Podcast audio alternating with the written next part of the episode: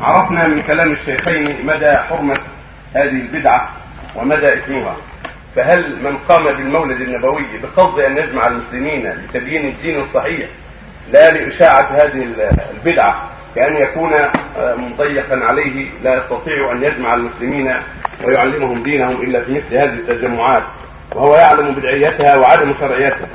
وكذلك من جاء من عامة المسلمين يعلم ذلك. إذا حضرها بهذا القصد يبين امرها وانها بدعة فيبين للناس ما في نفسه من أشياء منكره يحذرهم منها وواجب يدعو إلى فعلها ويبين لهم أن هذه بدعة وأن لا يجوز الاحتفال هذا طيب. أما أنه يقيم الاحتفال لا يجوز يبين شيء لا. ما يقيم البدعة شيء يحكم الناس في المساجد وفي الجمعه ويبين للناس ما يجوز مما شرع الله سبحانه وتعالى ومما حرم. لكن إذا حضرها وإذا أقامها غيره فجاء إليهم ونصحه وعلمه هذا بدعة هذا ما